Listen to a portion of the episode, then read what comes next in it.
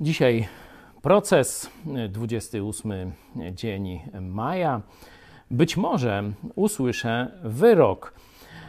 Ciekawe, że z ludzi, którzy powinni być szczególnie zainteresowani wolnością słowa, wolnością religii, prawem do dyskusji, do krytyki religijnej, nawet łącznie z prawem do wyśmiewania się z religii czy z innych poglądów religijnych.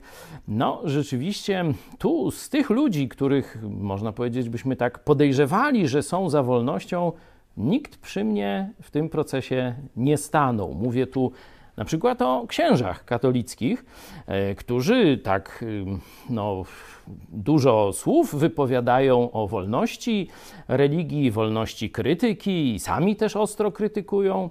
E, kiedy mieli okazję zabrać głos w tym procesie, żaden się nie odważył. Poprosiłem nawet kolegę z czasów oazowych e, i też stchórzył.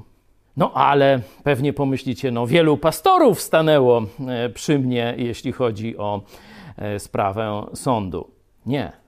Hejterzy się cieszą, że przy pastorze Chojeckim nie stanął żaden zarejestrowany kościół protestancki. Żaden pastor też oficjalnie nie miał odwagi stanąć e, przy mnie w tym procesie. Tak, kilku pastorów z e, grup domowych czy z kościołów domowych wysłało e, wsparcie i za to bardzo, bardzo dziękuję. Ale z tych uznawanych przez państwo nie stanął przy mnie nikt. Ale żebyście nie myśleli, że to jest coś niezwykłego, to apostoł Paweł w drugim liście do, do Tymoteusza pisze: W pierwszej mojej obronie nikogo przy mnie nie było. Wszyscy mnie opuścili. Niech im to nie będzie policzone. Ale i na to ja liczę i tego ja jestem pewien.